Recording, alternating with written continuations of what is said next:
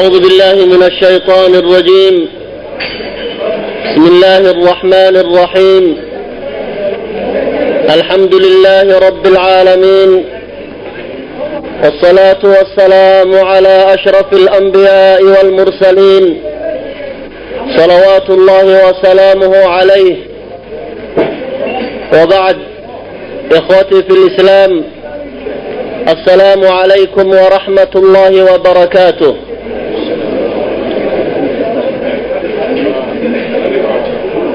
waxaa ilaahay jala jalaaluhu aynu ku mahadinaynaa iyada oo aynu khatimkii tafsiirka qur'aanka kariimkaa caawa aynu u fadhino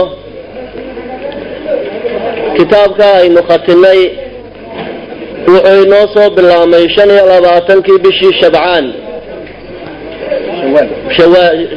Shawaal ayuu inoo soo bilaabmay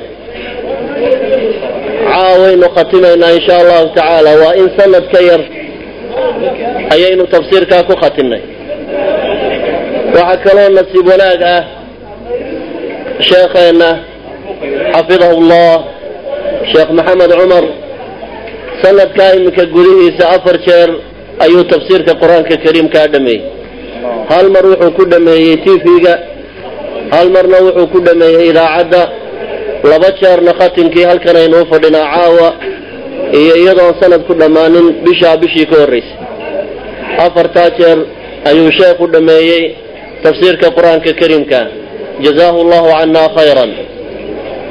Marka waxaan jeclahay barnaamijka iyo khatimka iyo arrimihiisa inaynu caawa gudagalno insha allahu tacaala waxaynu ku bilaaban doonaa aayaat min dikri alxakiim waxaa inoo aqriyi doonaa alakh عبد الناصر محمد يوسف فليتفضل أعوذ بالله من الشيطان الرجيم وعباد الرحمن الذين يمشون على الأرض هونا وإذا خاطبهم الجاهلون وإذا خاطبهم الجاهلون قالوا سلاما والذين يبيتون لربهم سجدا وقياما والذين يقولون رب ربنا اصرف عنا عذاب جهنم إن عذابها كان غراما إنها ساءت مستقرا ومقاما والذين إذا أنفقوا لم يسرفوا ولم يقتروا وكان بين ذلك قواماً والذين لا يدعون مع الله إلها آخر ولا يقتلون النفس التي ولا يقتلون النفس التي حرم الله إلا بالحق ولا يزنون ومن يفعل ذلك يلقى أثاما يضاعف له العذاب يوم القيامة ويخلد فيه مهانا إلا من تاب وآمن وعمل عملا صالحا فأولئك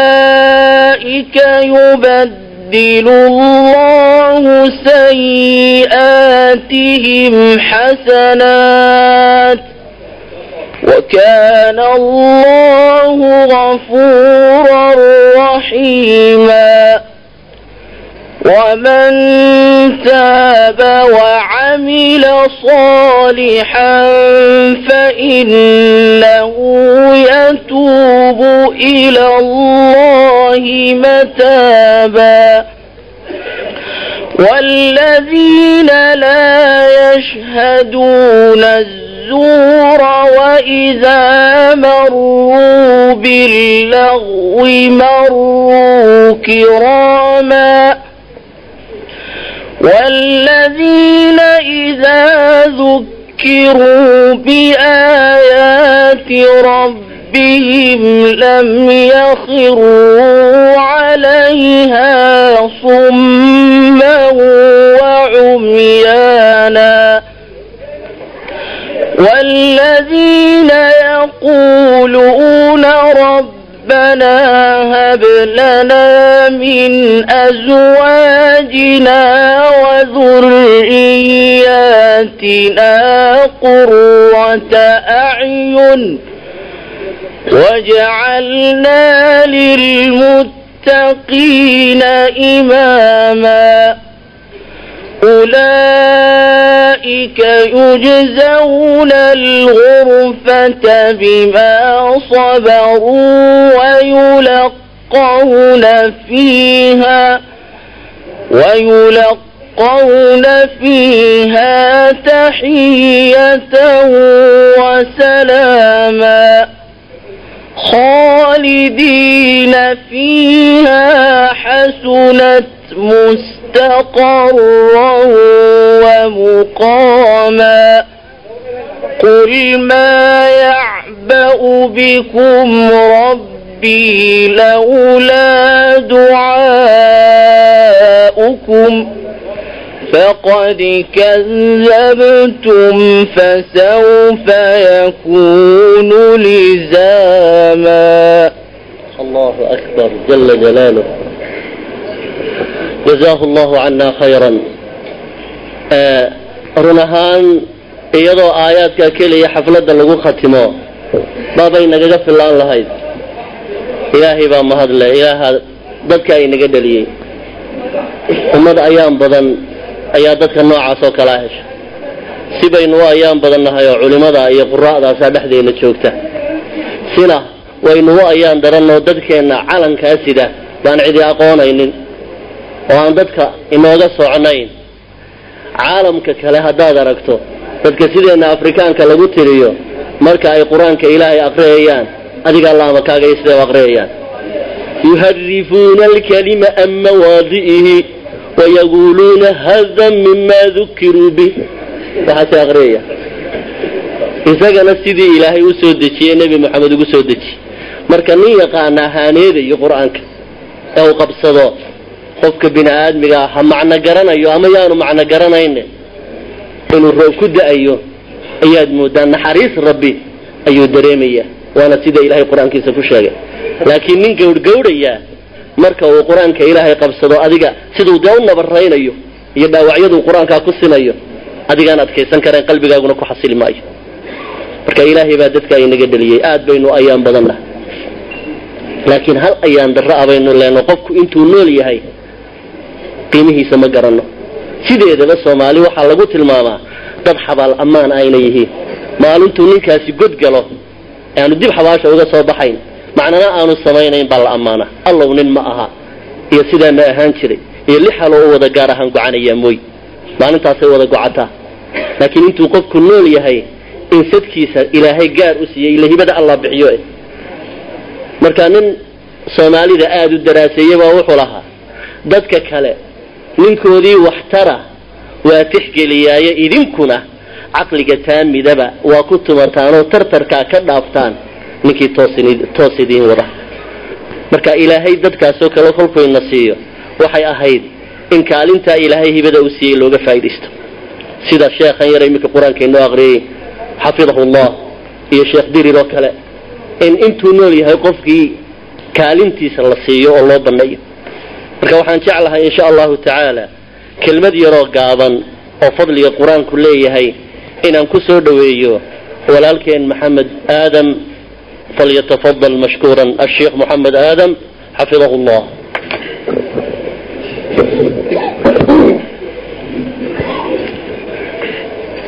بسم الله الرحمن الرحيم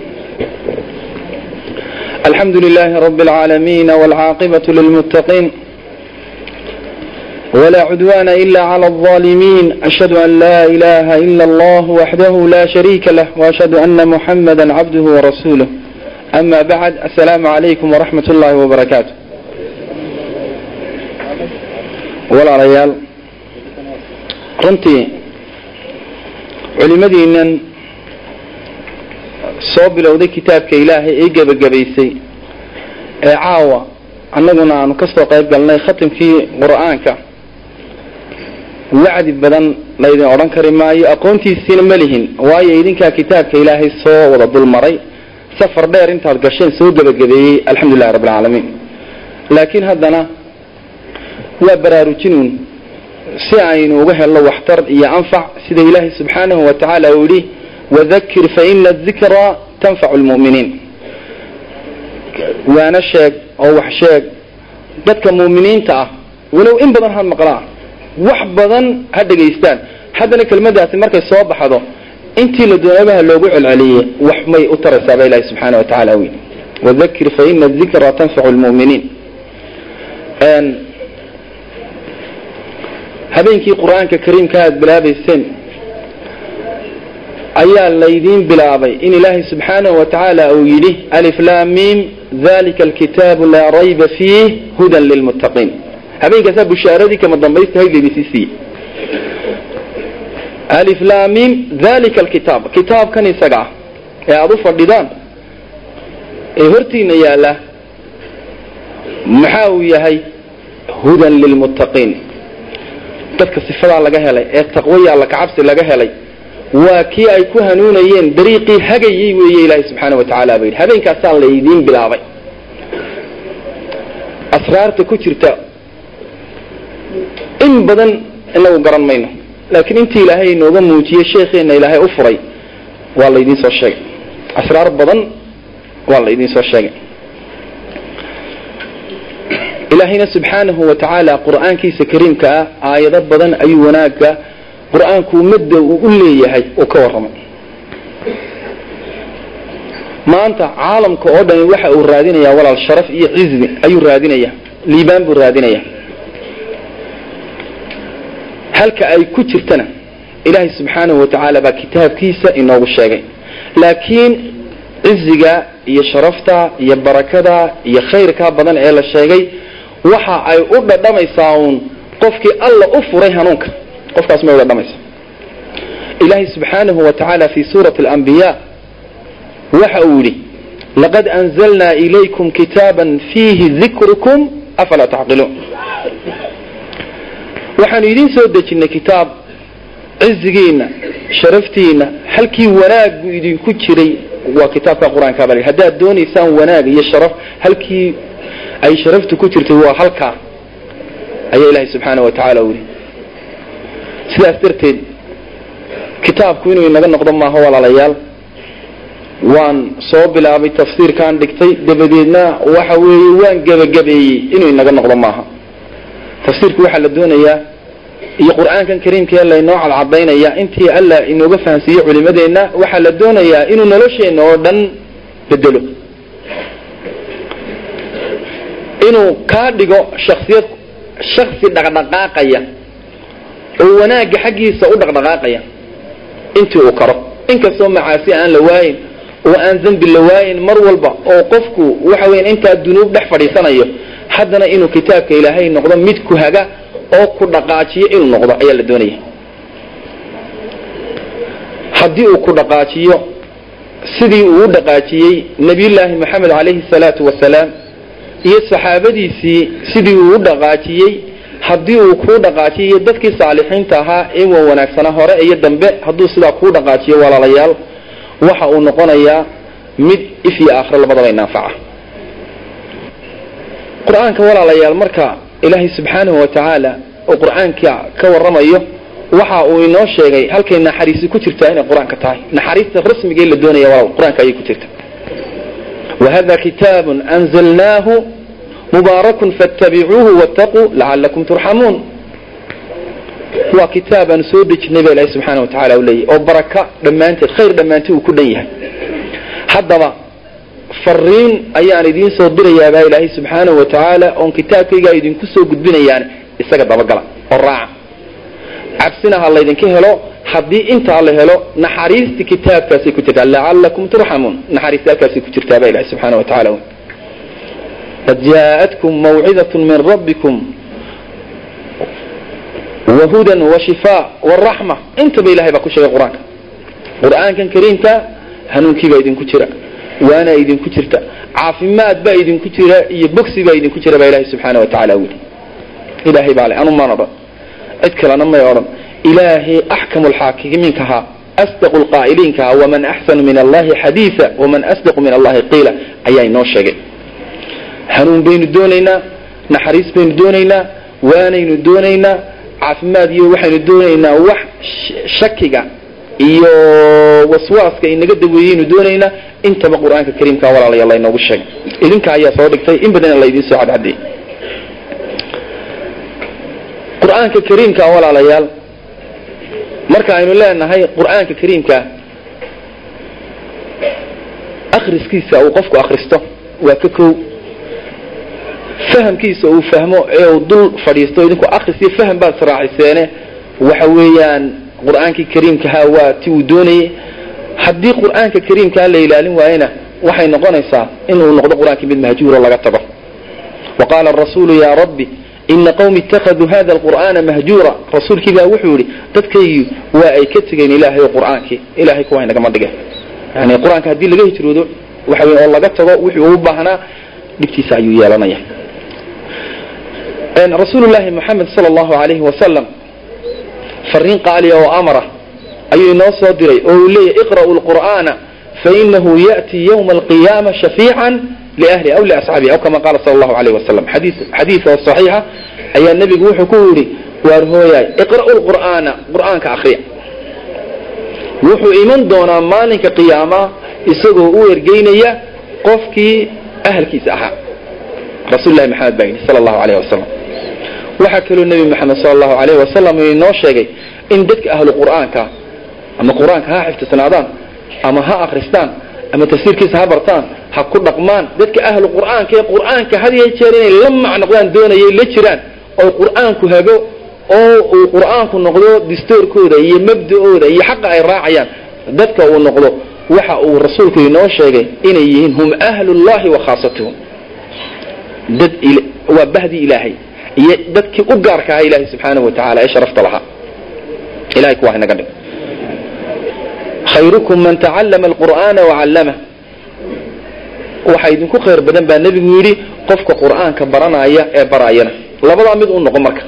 Labadaa inuu qofku ka dhexeeya maaha. Qur'aanka inaad barato. Iyo inaad barato iyo inaad barto. Macallim ama noqo ama arday qur'aanka u noqo. Intaad ifka ku noosha. Labadaa mid u noqo waayo waxaa lagu sifeeyey tilmaan ah khayriyo. Yani waxaa ugu khayrukum man tacallama alqur'aana wacallamah waxaa idinku khayr badan qofka qur'aanka barta ee bara isaguna. Bal eh waxa aayaadka qur'aanka ay noo sheegeen haddii qur'aan la akriyo aad ka dhegaysato inaad naxariis ilaahay ku helayso marka lagaa helo aamus iyo dhegaysi uun. Haddii aamus iyo dhegaysi adiga lagaa helo ood qur'aan iska ag fadhido ama cajirad ka dhegayso ama cid akhriyaysa ka dhegayso haddii aad qur'aanka dhegaysato waxa ilaahay subxaana wa tacaala uu qur'aankiisa inoogu sheegay in naxariis ilahay ku siinayo waida quri'a alqur'aanu fastamicuu lahu waansituu lacalakum turxamuun baa ilahay yidhi. Haddii qur'aanka la akriyo idinku u dheg raariciyo dhegaysta waxa weyn hadalka yareeya dabadeedna naxariis ilaahay baa idin imanaysa. Waxaan ku soo gebagabaynaya xadiidka nebiga sala allahu alayhi wasalam uu kaga warramay dadka idinka oo sidiina oo kale. Intay isugu yimaadaan masjid ka mida iyo goob ka mida goobaha ilaahay dabadeedna dhexdooda daraasaynaya kitaabka ilaahay ee isfahansiinaya ee isu gudbinaya. Waa xadiid oo saxiixa. Nebi maxamed sala allahu alayhi wasalam ka sugnaaday waxa uu rasuulka inoo sheegay afar tilmaamood baa dadka noociinaas oo kale ee sifada sidaasa laga helo ee qur'aanka ilaahay dhexdooda isku baraarujiyey isu sheegay isbara. Ay kala faa'iidaystaan afar baa uu rasuulku u sheegay. Asaadiq lmasduuq baa arrinkaa sheegay. Waxa uu nebigu yidhi sala allahu calayhi wasalam haddii ay dad isugu yimaadaan guri ka mida guryaha ilaahay iyaga oo kitaabka ilaahay dhexdooda darsaaya nazala calayhim asakiina naxariis sakiino iyo deganaan baa alla ku soo dejiya nazala calayhim asakiina xasilooni baa ku soo degtaba rasuululahi maxamed sala allahu alayh wasalam waa ta koowaad. Wahashiyathum araxma naxariis ilaahay baa daboosha. Waa ta labaad. Waxafathum lmalaa'ika malaa'ig ilaahay ayaa isku soo xayndaabta oo waxa weeye iskuwaa ka qabata. Wadakarahum allahu fi man cindah. Ilaahayna dadkaa isaga xusaya ee kitaabkiisa xusaya ee dhexdooda daraasaynaya ilaahayna agtiisa ayuu malaciisa iyo jamac jamac ka sharaf badan jamacan ayuu ilaahay dadkaa ka xusa oo wanaag ku xusa allahu akbar. Ilaahay oo ku xusa oo ku yidhaahda addoonkaygaasi aniga ayuu kitaabkaygii weynaynayay aniga ayuu ixusayay wax ka sharaf badan ma jirto. Marka waxaynu ku sifoobaynaa inaynu kitaabki ilaahay markaynu sidaasoo kale isu daraasayno ee wuxuu ina faraya in aynu qaadano inaynu shaciiro iyo tilmaan ka mida diintii islaamka aynu weynaynayno qalbiga alla kacabsiga qalbigaana ugu muhiimsan attaqwa haahunaa buu nebigu yidhi ta lagu helayo waxaa ka mida calaamadaha waaweynee diinta inaynu weynayno calaamadaha waaweynee diinta waxaa ka mida kitaabka ilaahay baa ka mida taana ilaahay baa inoo sheegay in lagu helayo qalbiga taqwadii looga baahnaa in laga helayo waman yucadim shacaa'ir allahi fainaha min taqwa alquluub. Waxaan ilaahay ka baryayaa sheekheena tafsiirka inoo waday in badanna magaalada ka dadaalay inuu ilaahay isaga cilmiga u barakeeyo waxaan kaloo ilaahay ka baryayaa xerteenna iyo ardaydeenna faa'iidaysatana in ilaahay uu ku arsaaqo cilmi naafica oo waxtara oo dalkooda iyo diintooda iyo ehelkooda iyo qaraabadooda iyo waddanka dhammaanta iyo ummadda muslimiintaaba waxtara. Wasalaamu calaykum waraxmat ullahi wabarakaatu jazaahu allahu cana khayra aljaza sheekh moxamed aadam. Hadalkii uu soo ururiyey ilaahay baa mahadle. Ilaah jala jalaaluhu inoo suuro geliyey cadad arday ah oo aan ka yarayn ilaa saddex boqol oo arday oo da' walba leh inay sanad gudaheed ku qalinjabiyeen oo ay tafsiirkii qur'aanka kariimka ay ku qalinjabiyeen. Adduunyada kama dhacdo. Qarniyadana laguma arag. Xalqadaha noocaas oo kalea dunida waa laga dabar tiray.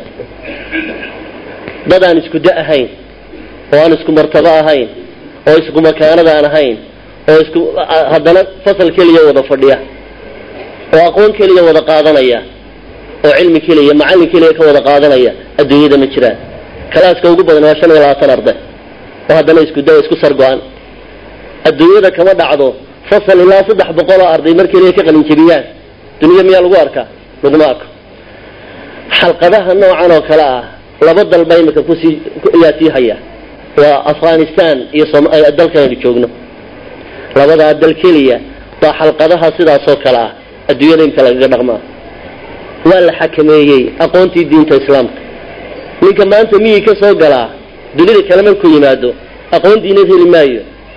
Laakiin haddii maanta uu baadiyaha ka yimaado meeluu ka bilaabo diinta islaamka uu helaya oo aan cidina shuruud ku xidhayn siduu isagu u dadaalaabay ku xidhantah way ogaadeen gaalo halkay diintu ka iilan la'dahay inay xalqadahaa tahay waxaad arkaysaa nin master baan wataa ku odhanaya oo haddana tafsiirka qur'aanka ah shan iyo toban jis baa layga macneeyey oo macallinku iga aqriya ku odhanaya inana sanad gudihii baa ilaahay fadligii baa waxaa inoogu soo qalinjabiyey ilaa saddex boqol oo rag iyo dumarba leh oo da'day doonaanba leh. Oo wax ilaahay lagu mahadiyo jala jalaaluh waana halka weli diinteennu ay ka madoobaan la'dahay marka xalqadaha aada ha loogu daymo la-aado insha allahu tacaala. Waxaa kaloo jira qofka bini aadmigii haddaanu macallin u yeelan cilmiga oo isagu iscaleemo saaro weligii yaalii gebi dhaclayn kama kama dhammaado.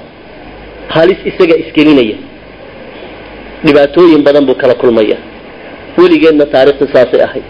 Habeenkii hore aynu khatimaynay misaalaan idinka warramay dadka yidhaahdo maxaan macallin uga baahnahay amba luqada waan aqaanaa waxaa dhacday baan idinku yidhi maalin nin baa yidhi anigu mufasir baana tafsiirkaan aqaanaa.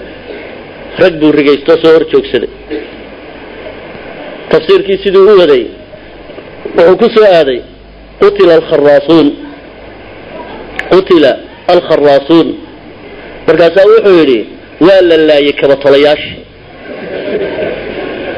siinka iyo saadkaan u kala saarayn hebel siinka iyo saadka ma kala saara baa la yidhaha. Midna waa siin midna waa saad. Marka kharaasku marka uu kabatolo yahayna waa siin. Marka kalena waa saad oo waxa weeye qutila waa la nacladay wey alkharaasuuna alkadaabuun. Saasay ahay markaasaa dee sheekii la weydiiyo sheekoo kabatolayaashaa la laayay. Maxay ahaayeen de halkuu qaadi kabatolo la laayay. Meel alaale meel u kaxeeyo ma hayo nin kale wuxuu yidhi anuu fiqigaan akrisanayo luqada afka waan aqaanaayo waka. Waxaa ku soo beegantay ka mabluulin. Baabu zakaat ka mabluulin. Muxuu aqriyay isagu? Ka baran baluulin. Ka baran baluulin buu aqriyay maantoo dhan buu munjadkii ku daalayay oo culumuluqihii munjad qorayo ka baran baluulin. Ma jiro. Baran baluul wax qoraa ma jiraan nin kale isagu wuxuu yidhi anu cilmi tibigan oo dhirtii waxbaan ku dabibaayo aniga wax iska akrisanaya tawbulxakiim baa la odhan jiray ninkaa. Wuxuu aqriyey wuxuu dibiga ku jirtay xabbatun sawdaa ayaa u dawaa. Markaa dhibic baa ku dheeraad ahayd ba'da. Maxay soo baxday? Xayatun sawdaa waxaa lagu dabiibaya xabatu sawdaa bay ahayd xayatun sawdaa baa u soo baxday wuxuu yidhi noo soo qaada abeese madow. Abeese madow baa loo kerkeriyey wuu cabbay. Way ka raacday. Masaladaa shicir baaba laga tiriyo waxay yidhaahdaan idaa rumta alculuuma biduuni shaykhin dalalta can ariiqi almustaqiimi wataltabisu lumuuru calayka xataa tasira adalla min tawmi alxakiimi. Idaa rumta alculuuma biduuni shaykhin haddaad aqoon baadi doon istidhaahdo adoon sheekhu lahayn. Dalalta can ariiqi almustaqiimi in yar baad waddada kaga bayri kartaa. Wataltabisu lumuuru calayka xataa arrimuhuna way iska kaa galaan. Ilaa aad tasiira adalla aad ka baadinimo badato min tawmi alxakiimi ninkii tawmulxakiim la odhan jiray ee isagu gacantiisa isku dila ba baad dishay dhibic baad dishay. Xabatu sawdaa bay ahayd xayatu sawdaa baad dishay. Dhibic keliyaoo dheeraad ku ahayd oo hadduu nin aqoon ula u geysan lahaa laga furdaamin lahaabaa jir. Marka cilmigu inuu sheekh kuu yeesho waa lagama maarmaan. Haddii culimadiina aynu haysano ambiyantihii iyo maxaanku dhaha jawigiina inoo sallaxan yahay in aqoonta aynu culimada kala hadhno ayaa aada iyo aada u muhima waxaan jeclahay inaan ku soo dhaweeyo haddana hadalka. Sheekh ismaaciil cabdilaahi inkastuu cudur daaranayo in yaroo kooban mar hadduu madasha yimi aan ku soo dhaweey. Rabbi alcaalamiin wsalaatu wasalaamu calaa ashraf lmursaliin سيدنا ونبينا محمد وعلى آله وأصحابه ومن تبعه بإحسان إلى يوم الدين. حضرات المشايخ محشر الشباب أعداء الدولة السلام عليكم ورحمة الله وبركاته. salaanka bacdi walaalayaal waa la shardiyey malaha inay culimmadu wada hadasho laakiin shardi may ahayn waxay naga fillay raggii walaalahen ahaa nebi muuse yidhi u afsaxu mini fasaaxada lahaa inaan ku daysano intaynan kalena aan noqolno ilaahayna inaga dhigo aladiina yastamicuuna alqawla fayatabicuuna axsana dhammaanteen marka hore sheekha muddada badan kalaamka ilaahay fasirayay isaga iyo mashaayikhda iyo bulshada uu u gudbinayay. Dhammaanba waxaan ilaahay ka baryaynaa inaan ridaha ilaahay ku gaadhno ilaahay markaa inaga raali noqdo. Badin maayo walaalayaal. Manhaj alqur'aan wa madrasat alqur'aan huwa aladii qayara almujtamaca jasiira carabiya inagoo ogeyna garanayna taariikh ahaan bulshadii ku noolayd jasiira carabiya ku noolayd jawigeegii siduu ahaa wadcigeegii siduu ahaa wax waliba meeshiisii ka tegey caqiidadaa meesheedii ka tagtay cibaadadaa meesheedii ka tagtay akhlaaqdaa meesheedii ka tagtay cadaaladdaa meesheedii ka tagtay nabadgelyadaa meesheedii ka tagtay. Dhammaan awood wuxuu u yeeshay manhajka qur'aankii inuu shay walba meeshiisii ku soo celiyo.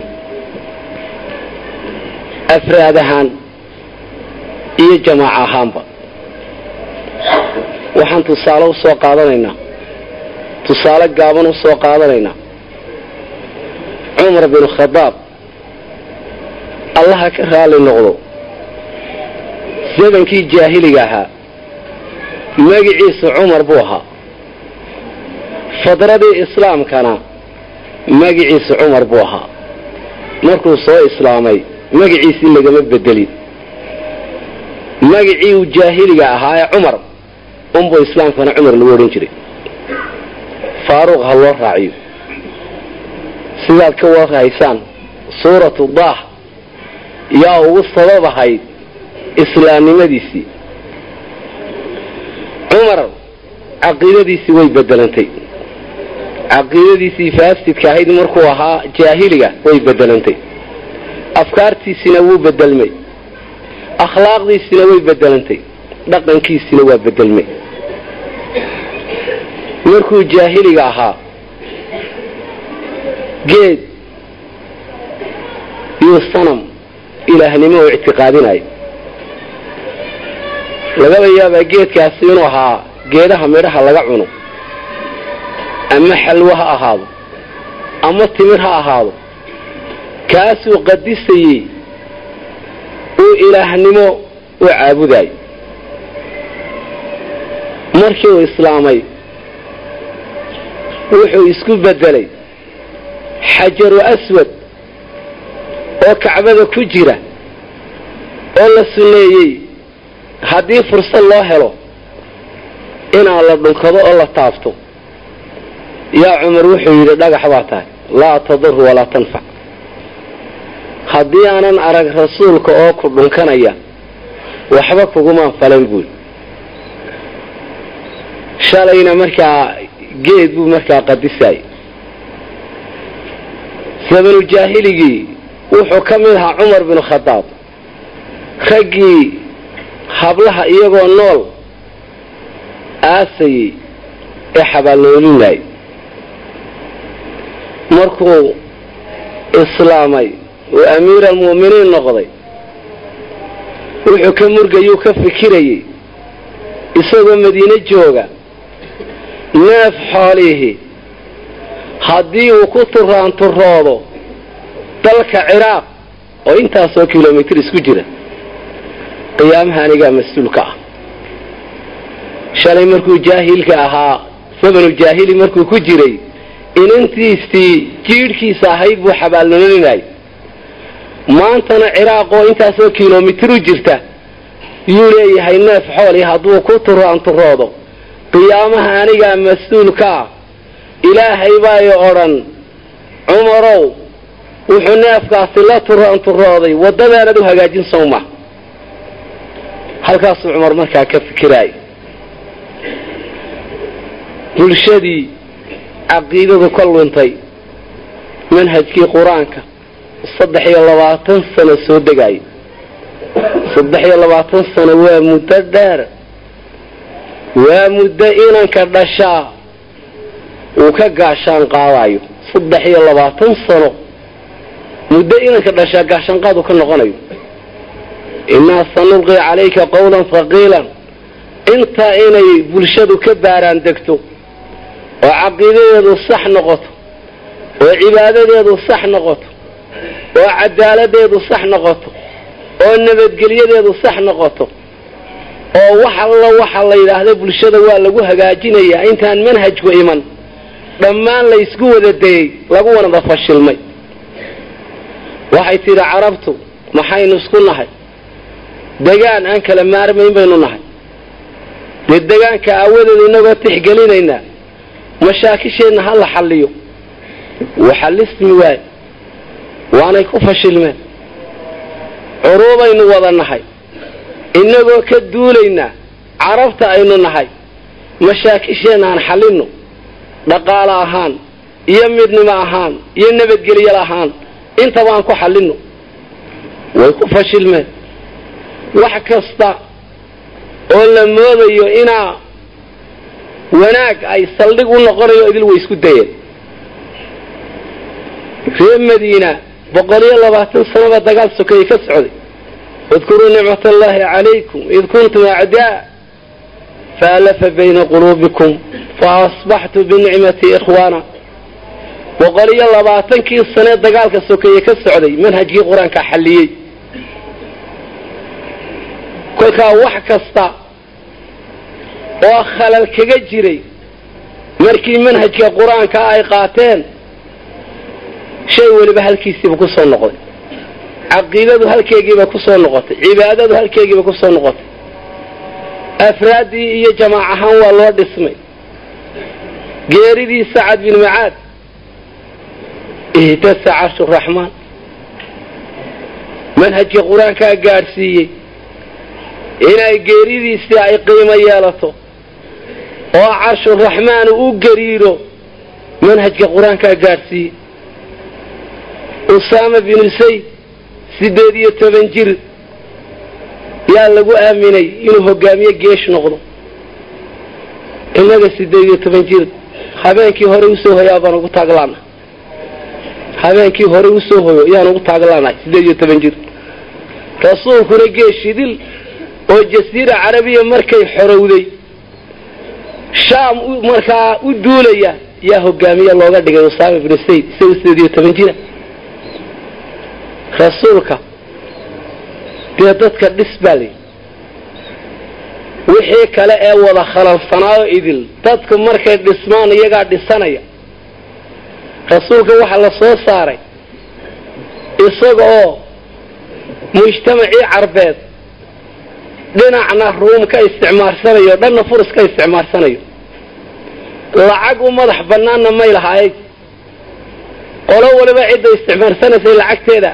Sidii aynu inagu berigay isticmaalkii qolada ingiriisiguna lacagta kuwa talyaanu sidaasoo kale. Wadooyinna ma jirin. Dhaqaala ma jirin. Intaasoodii rasuulka lagalama hadal. Lama odhan wadooyin samee. Lama odhan dhaqaalo abuur lama odhan markaa carab xore oo furus iyo rum ka xore lama odhan. Waxaa la yidhi caqiidada iyo cibaadadooda dhis alla ku xidh. Iyagaa kolkaa dalka dhisanaya. Iyagaa markaa dhaqaalo samaysanaya. Iyagaa markaa madax banaanaanaya iyagoo reer baadiye ah yaa ummadihii waxa isbidaya xadaarada iyo falsafada iyo ruum iyo furus yay dee markaa macalimiin markaa ay u noqdeen waa markay aragti diineed ay ku dhaqmeen. Ee kitaabka qur'aankii wuxuu faraya ay fartoomeen. Ee sidii caasho markii la weydiiyey kaana khuluquhu lqur'aan dhammaan waxay noqdeen nin kasta oo markaa qur'aanka rumeeyey musxafkii oo socda. Ruum iyo furs markay galeenna. Mandarkooga iyo suluugooga yiin yay nasaaradu ku odhan kiristaanku ku odhan jiray. Asxaabta markay arkeen walaalayaal. Diintani waa diintii nebigii asxaabtu ay cis iyo sharaf ku heleen. Ilaahay yidhi walilaahi alciza walirasuulihi walilmu'miniin. Ilaahay yidhi subxaana waxa weeyaan wax mustaxiila maaha. Markaan si dhaba aan ugu dhaqanno kitaabkan qur'aanka ee asxaabtu siday u xifdiyeen aan u xifdino ee siday u tadaburayeen aan u tadaburo ee siday ugu baaqayeen mujtamaca iyo bulshada ay ugu baaqayeen aan ugu baaqno inaan gaadhayna halkii asxaabta markaa ay gaadhay. Caalamka innagaa mas'uul ka ah maadaama kitaabkan qur'aanka ah aan rumaysannahay caalamka innagaa mas'uul ka ah. Waad aragteen markaa sheekh kitaabkiisa maadaa khasira alcaalam wada akride binxidaadi lmuslimiin caalamku meel uu joogaba siduu u khasaaray markay muslimiintii hoos u dhacday. Waxaan kaga baxaya walaalayaal waxaan inaga sarreeyo oon inii faa'iideynayaa ma jiro. Ereygii mashhuurka ahaa ee imaamu maalig yidhi lan taslux aakhiru hadihi alumma ilaa maa salaxa awaluha ummaddan aakhirkeegu ku hagaagi maayo ilaa wixii awalkeegu ku hagaagay mooyaane awalkeegii dee kitaabkan qur'aankay ku hagaagay oo xil ay iska saareen ilaahay yidhi ina hada alqur'aana yahdii lilatii hiya aqwam yaa ilaahay yidhi subxaana waddada markaa ugu toosan ee akhriyay adduunyadaba lagu liibaanayo yaa kitaabkan qur'aankii markaa inuu hanuuninaya ilaahay ha inaga yeelo kuwa markaa kitaabka isku hagay qoys ahaan iyo afraad ahaan iyo bulsho ahaan iyo maamul ahaan kuwa kitaabka ilaahay ee dastuurka samaawiga isku hagay ilaahay inaga yeelo. Wasalaamu calaykum waraxmat ullahi wabarakaatu jazaahu allahu cana khayran. Sheekhii hadla waxaa odhasa yaa kanuun u daaya isagu ha dhammaysta waktigiise yaa u daaya naftaa ku odhanaysa ilaahay baa mahadinaynaa waxaan ogahay ardaydii sheekha ka aflaxday sheekh dirir. In badan oo badan inay u yimaadeen inay af soomaaliga ka bartaan. Af soomaaliga iyo erayada af soomaaliga siduu isu tarkiibinayo aayadaha qur'aankii ay isugu beegbeegayo kelimadaha af soomaaliga in badan waxaa soo jiidatay erayada siduu u heli jiray sheekhu jazaahu llahu khayran. Waxaad moodaa af soomaaliga iyo af carabigu inay isu dhig yihiin waanay kala badanayn markuu sheekhu isa saarayo kelmad kastoo af carabiya wuxuu isku dayi jiray. Kelmad munaasib ku af soomaaliya. Inuu qaabilsiiyo maca dalik sheekha jazaahu llahu khayran ilaahay wuxuu hibo u siiyey tacbiirka sahlan een takallufka lahayn. Sifadii nebi moxamed bay ahayd wamaa ana min almutakalifiin isma hawli jirin. Ninkii sheekhaa dhegaystay baa dhegaystaye isma hawli jirin. Hadallo waaweyn oo laga ama kaaga keen isma odhan jirin ilaahun baa ku ilhaamin jiray isna waa dadaali jiray jazaahu llahu khayran. Qur'aanka ninkii fasira ayaa u garaabi lahaa ee culayska uu qur'aankaasi leeyahay. Tafsiirkiisu waad yaabaysaa oo weliba isaga ay u dheerayd dunidao dhan baa da laga daawanaya oo qalab baa lagaga duubaya markaasuu saqda dhexe soo aleeladaya oo is leeyahay adduunka oo dhan taariikh baa kaa hadhayso e sax diinta islaamka. Oo xaqiiqada sheeg oo hadalka hagaaji buu odhan jiray. Intaasoo kitaab baa laga yaabaa daqiiqada gudahood kolba inuu mid ku boodo. Oo masaladii ka ishkaal gashaba? Oo sideedaba tafsiirku waa sida qur'aanka oo kale oo waa baxsi badan yahay. Qur'aanka ninkii xifdiyey dhaqsi uga baxsadaa. Waa mucjis qur'aanku. Sidaasoo kaleba tafsiirkiisuna u baxsadaa. Adigoo maanta aqriyay oo berri aqriyay oo saa dambe aqriyay haddii saa kun aqri lagu yidhaa haddana waxaad u baahanaysaa inaad kitaab dib u noqoto. Adigoon soo diyaarin ma soo fadhiisan karto waa mucjis qur'aanku. Sheekhu tacab badan iyo dadaal badan buu galay. Culimadeennuna saasay u wada dadaalaysaa wajazaahum allahu khayran. Kuwii ilaahay diinta ugu gargaara allah inaga yeelo iminkana waxaan ku soo dhawaynayaa aaalib moxamed xaashi oo kitaabku maalintuu bilaabmay iyo ilaa maalinkan maanta mar kastoo la khatimo goobjoogintiisa badan ka ahaa. Sheekh maxamed xaashi waa wada garanaysaan intii uu shacbiga ahaa iyo intuu nidaam dawladeed galayba marna daalibulcilminimadii kama mashquulin. Wuxuu dareemayay bay ila tahay inkastoonan taskiyeynaynin ninka daalibulcilmiga ah malaa'igta ayaa garbaha u gogasha albaabada jannadana waa loo sahlaa ninka daalibulcilmiga ah. Albaab albaabada jannada ka mid a ayaa ilaahay u fududeeyaa intaa uu cilmiga u soo socdo. Marka waxaan jeclaan lahaa bal waayo aragnimadii iyo cilmigii iyo aqoontii intuu sheekh dirir hoos fadhiyey uu ka kasbaday inuu waxoogaa qadar yar bal ka faalloodo ha ku soo dhawaado maxamed xaashi bismi illaahi araxmaani araxiim asalaatu wasalaamu calaa ashraf almursaliin sayidina muxamedin sala allahu alayhi wasalam wabacd in badan baa caawa la yidhi. Rag iga oqoon roona yidhaahdeen ka hadleen diinta qur'aanka diinta ka hadleen qur'aanka ka hadleen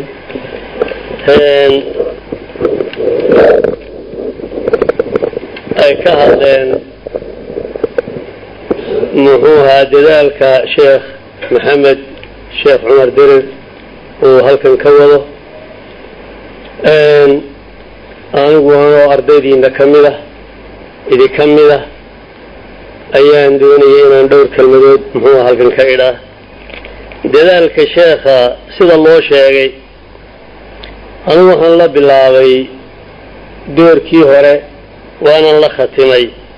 Waxaynu soo qaadanay saddex boqol iyo shan iyo sagaashan cashir baynu halkaa isugu nimid waa laba sannadood oo maalmala kolka laga reebo wakhtigii uu dhaawacmay iyo bilihii fasaxyada ahaa marka laga reebo. Intaa saddexdaa boqol iyo shan iyo sagaashankaa cashir aynu halkan isugu nimid waa doorkii hore. Habsaan kumaynaan arki jirin. Laba saddex maalmood oo heshiis qolyo ishayey uu u tegey iyo maalin la yidhi duray baa haya ayaan xusuusnahay intuu inaga inaga maqnaa sanadkan boqol iyo labiyo soddon cashir buu ina soo hor fadhiistay wax habsaama ma xusuusni haddaan habeen roog da'ay oo aynu isweyweynay ayna ahayn waxaa soo dadaala wuxuu u gelayey inagu inoo gelayay wuxuu u gelayey inuu jiilkaa maanta soo socda iyo qolyaha iyagan gaboobay intaba u faa'iideeyo oo uu wax u kordhiyo oo ay intifaacsadaan tacabkaa uu muxuu ahaa inoo galay. Balaaqadiisa sidii sheekh maxamed yidhi baan u dhaafi maayo oo af soomaaliga iyo tafsiirka siduu inoo siiyo dhadhabadiisa iyo wanaaggiisa intaba waynu ogeyn intaasoo maalmoodaynu isu nimid wax hadlaya lama arki jirin. Wax isriixayana lama arki jirin. Markaa uu soo fadhiisto ayaa sanqadh inoogu dambayn jirtay muxuu ahaa. Taasi waxay ku tusaysaa sidaynu u dhadhansanaynay iyo sida wanaagsan aynu muxuu ahaa u qaadanaynay qur'aanka marka la khatimo beryihii hore xoolo badan baa la isa siin jiray xoolaa la qali jiray.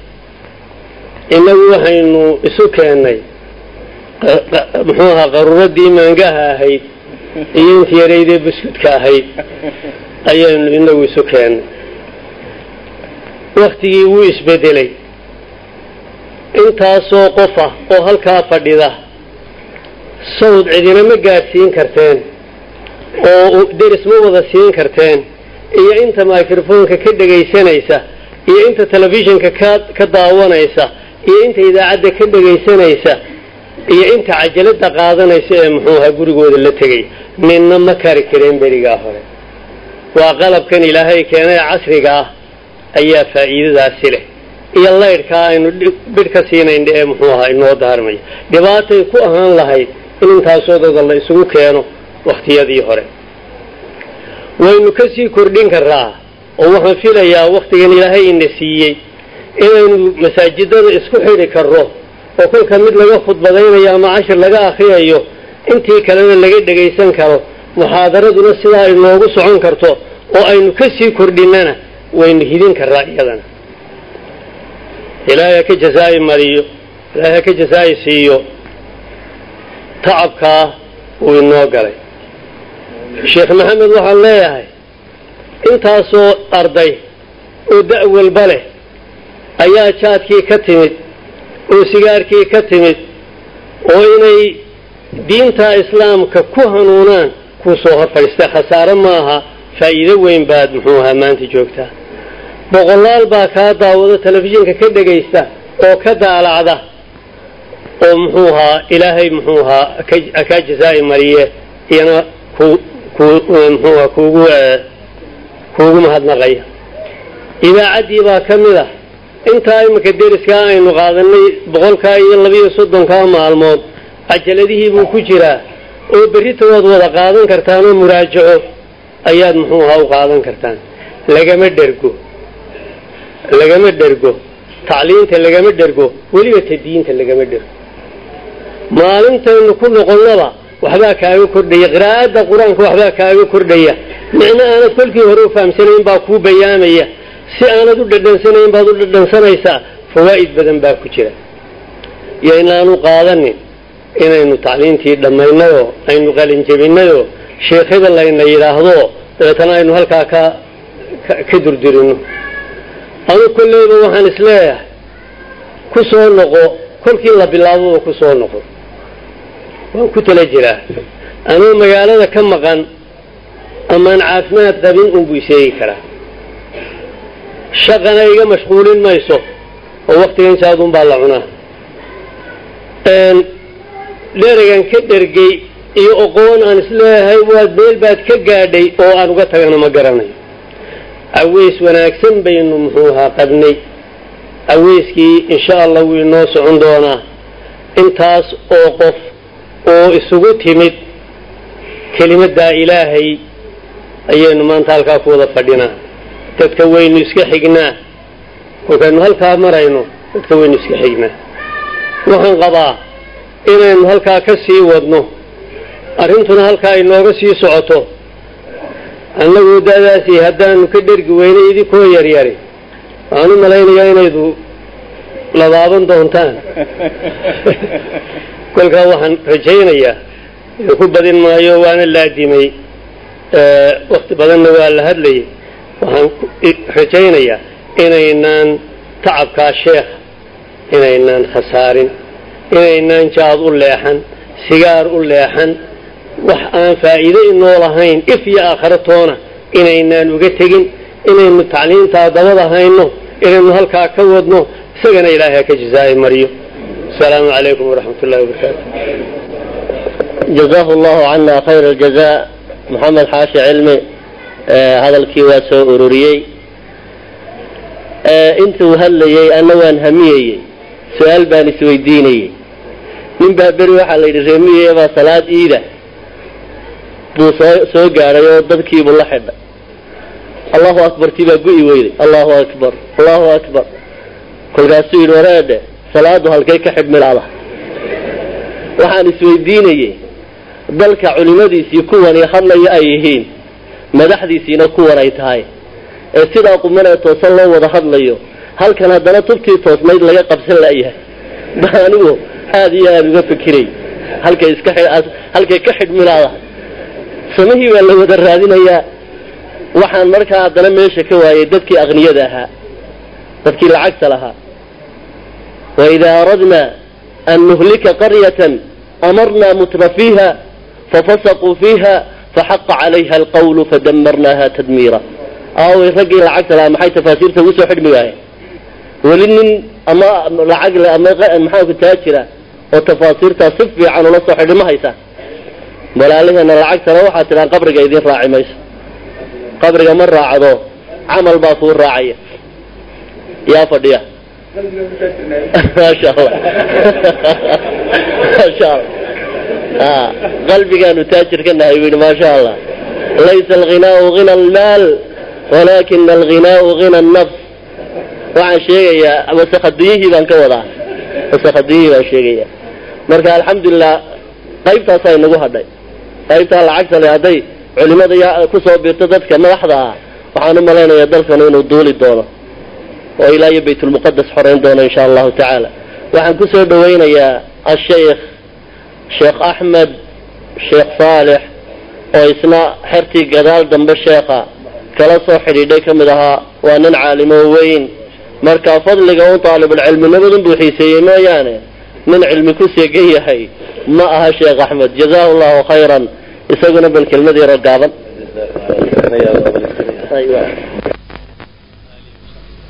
وبعد أيها السادة الكرام السلام عليكم ورحمة الله وبركاته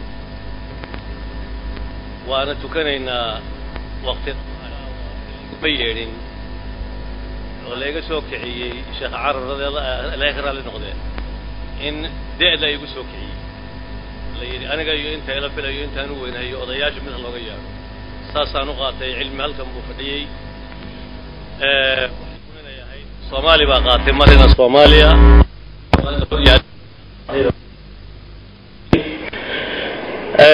Aad baan u jeclaysanaa markaanu aragno si ay u aqriyayaan sidii sheekhi caawa ina ku furayey haddana waxaanu xoogay ka xumaan jirnay markaanu aragno calankaa kale oo hor yaal inankaa soomaaliyeed oo saa u aqriyaya waxaynu u baahan nahay sidaa oo kale sidii sheikhu sheegay oo kale oo lahaa qaar baa si kale u aqriyaa annagu waa soo gaarnay odayaashaas oo kale oo oday weyn oo ilaah baa weyne yani waa yeela.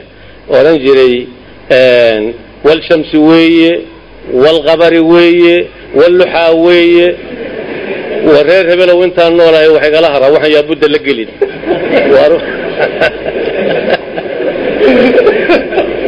Marka indagu waxay ila tahay alxamdu lilaahi kuwa ma noqonayno sheikheena ayaa macalinkeenna ayaa inaka reebaya oo inoo diidaya.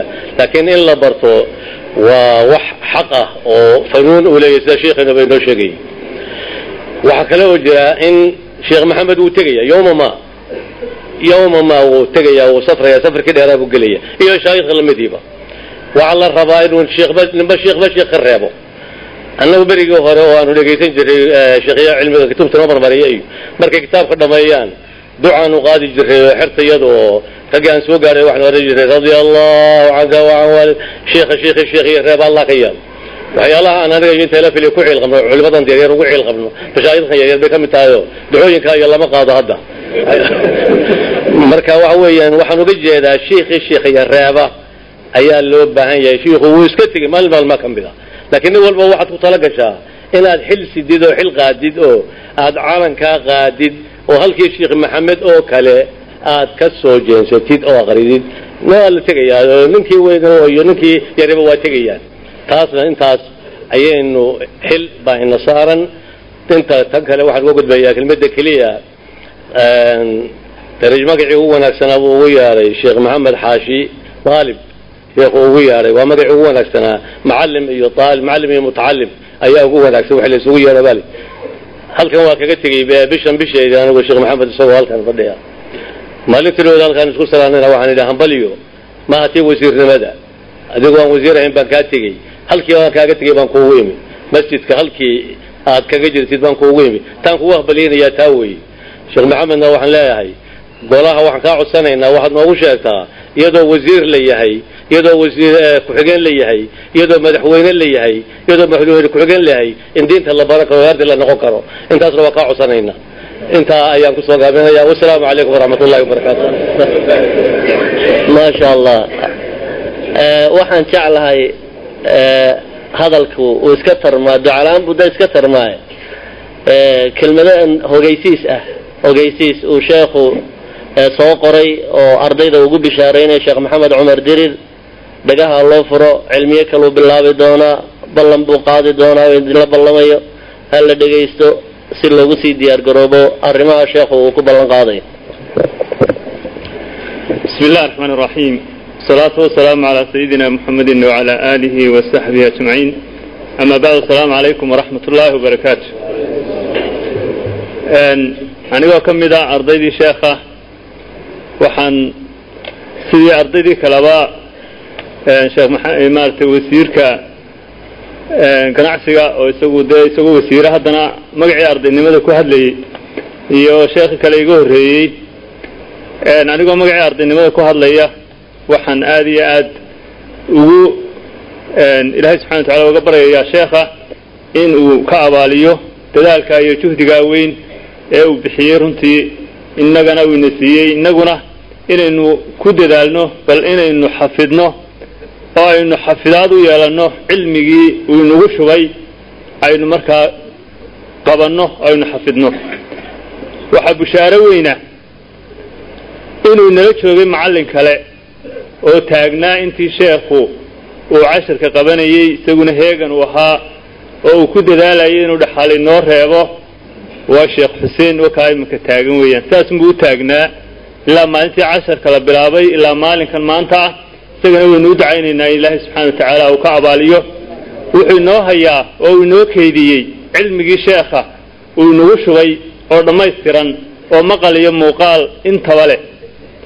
Haddaad u baahato maqal iyo muuqaal shan iyo afartan cajaladood ayuu kuugu diyaariyey qiimo jaban uu kaa siinayo. Gurigaaga aada dhiganayso dabadeedna aada maqal iyo muuqaal sheekh sheekh diriroo gurigaaga dhex fadhiya habeen iyo maalin waa bushaaro weyn. Haddii taa aad ka soo yaro waabito oo aanad haysanin rikoodhkii aad ku daawan lahayd waxa kale uu kuu diyaariyey rikoodhkii yaraa ee jabnaa ee soddonka dollar aad siisanayso ka ugu fiican ee guriga aad dhiganayso boqol iyo afar iyo soddon cajaladood oo aad jeebka ku qaadanayso ood guriga dhiganayso oo habeen iyo maalin dhegta aad ku haynayso. Waa tafsiirkood mar walba ku soo ceshanaysa habeen iyo maalin. Intaasi waa bashaaro weyn weeyaan oo cilmigii inoo duuban oo inoo diyaara ayaa ayaa inoo yaalla. Taasi waxa weeyaan ilahay subxana watacala waynu ka baryaynaa inuu casharkaa inoo dhammaaday ilaahay inugu anfaco. Halkaana waynu ka sii wadi doonaa insha allahu tacaala wuxuu sheekhu inoogu bashaaraynayaa fadiilatu sheekh maxamed sheekh cumar dirir ilaahay ka raali noqdee in muddo yaroo horta nasasho ah inuu ina siinayo. Saaca bisaaca waxa weeyaan waa inta u horaysa shacbaan awalkeeda hore waynu iska nasanaynaa. In fara badan ayuu sheekhu dee uu ina soo hortaagnaa. Siduu sheegay maxamed xaashi habeenkii roobku ina helay oo keliya iyo saddexdaa habeen oo hawsha ku maqnaa ayuu sheekhu fasax ayuu ahaa casharkaasi ilaa intaynu casharkaa wadnay. Saacadna iyo ilbiriqsi toona inagama maqnayn. Waa waxyaalaha uu sheekhu ilaahay subxana watacaala uu siiyey hibada uu siiyey bay ka mid tahay dadaalka iyo juhdiga waana tala doonaya inaynu kaga dayano macallinkaaga waxyaalo fara badan baa lagaga daydaa dadaalkaa lagaga daydaa aqoontaa lagaga daydaa waxaa lagaga daydaa xataa habka uu u dhaqmayo dhaqanka fiican ayaa lagaga daydaa waxyaalaha aynu doonayna inaynu kaga dayana ayay ka mid tahay juhdiga iyo dadaalka haddaba marka ay shacbaan ay dhammaato shan iyo tobankaa hore waxa uu sheekhu inoo bilaabayaa fiqiga sekada iyo rabadaanta soomka waan u jeedaa soomka. Fiqiga soomka iyo sekada waa inta rabadaan ka horeysa shan iyo tobanka dambe shacbaan. Ayuu sheekhu ilaahay ka raali noqdee ayuu inoo soo gudbin doonaa oo aynu ka qaadan doonaa si aynu rabadaanta oo ah da bishii weyneyd ee la soomayay inagoo cilmigii jaabka ku haysana iyo niyada iyo qalbiga ay rabadaan inoogu soo gasho. Sekadana waa bishii la bixinayey dadka waxoogaaga adduunyadaa haystaa iyaguna ha soo diyaar garoobaan. Inkastoo sheekhu uu sheegay in raggii waaweynaa ay maqan yihiin. Laakiin raggii yaryaraa baa jooga iyaguna dhegta ha u ritaan oo ha ka faa'idaystaan waxaynu fasax noqon doonaa bisha rabadaan iyo tobanka ku xiga ee shawaal. Insha allahu tacaala ayaynu fasax noqon doonaa. Marka tobankaas ay gaadho sheekhu wuxuu inoo bilaabayaa waxa weeyaan shay kastaaba wuxuu u baahan yahay in la kala bedelo xataa maryahaaga iyagoo aan uskagi iyo waxba toona lahayn baad jecesha mar walba labiskaara qaadato cuntada lafteeda kala bedel bay ku wanaagsan tahay. Waxa weeyaan tafsiirka in fara badan baynu soo wadnay in haddana bal cilmigii kale sheekhu ina waraabiyo dhinaca kale uu inoogu rogo. Ayuu inoo diyaarinayaa. Sanad iyo bar baynu ka laaci doonaa haddii ilaahay raalli ka noqdo xagga fiqiga xagga axaadiista iyo aayadaha axkaamta oo si gaara loo soo diyaariyey. Kutubtoodii oo jabanna waa inoo dirayaa sheekhu ilahay haddii aad u raalli ka noqdo maktabad ba halkan laynoogu furayaa masaajidka. Iyagoo jaban baynu helaynaa kutubtii aynu ka qaadanaynay baynu ka baranaynay sanad iyo badh. Ayaynu kuliyadaana qaadan doonaa haddii ilahay raalli ka noqdo oo uu nafta ino gaadhsiiyo. Ilahayna waxaynu ka baryaynaa sheekha inuu cimriga iyo caafimaadka iyo cilmiga ilaahay subxana wa tacaala uu siyaadiyo. Wabillahi tawfiiq. Asalaamu calaykum tobanka dambe ee shawaal shacbaan shacbaan tobankeeda dambe iyo cilmiga fikiga iyo axaadiistaba leh. Tobanka hore markuu dhammaado ayuu cilmigaasi bilaabmaya insha allahu tacaala. Kolley waxaan de malaynayaa rag badan inay xiisayn lahaayeen inay microfoonka qabsadaan oy sheekha u mahad celiyaan laakiin waktigii oo gabaabsiya kolley sheekhu jazahu llahu khayran.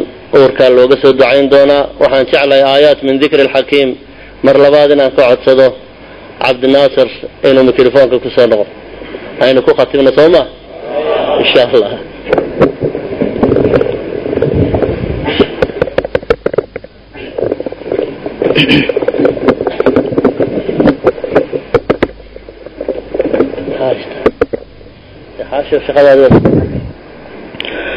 ألم تر إلى الذي حاج إبراهيم في ربه أن آتاه الله الملك إذ قال إبراهيم إذ قال إبراهيم ربي الذي يحيي ويميت قال أنا أحيي وأميت قال إبراهيم فإن الله يأتي بالشمس من المشرق فأت بها من المغرب فبهت الذي كفر والله لا يهدي القوم الظالمين أو كالذي مر على قرية وهي خاوية على عروشها قال أنا يحيي هذه قال أنا يحيي هذه الله بعد موتها فأماته الله مئة عام ثم بعثه قال كم لبثت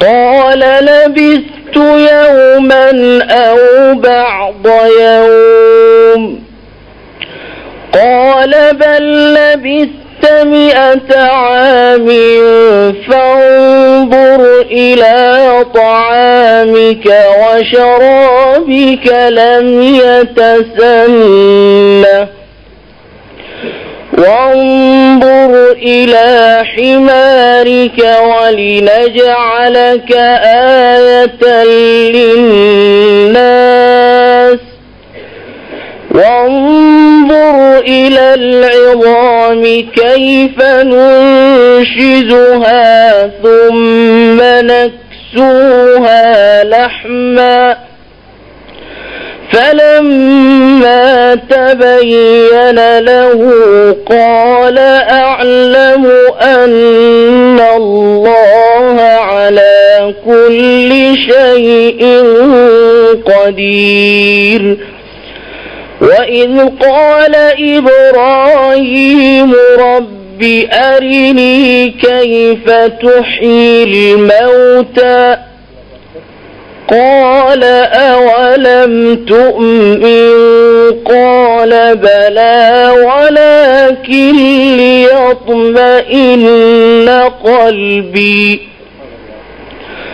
قال فخذ أربعة من الطريق الطير فصرهن إليك ثم اجعل على كل جبل ثم اجعل على كل جبل منهن جزءا ثم ادعهن يأتينك سعيا واعلم أن الله عزيز حكيم.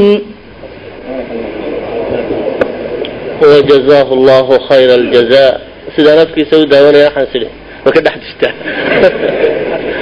halkaas waa caawa inoogu xidhaya insha allahu tacaala marka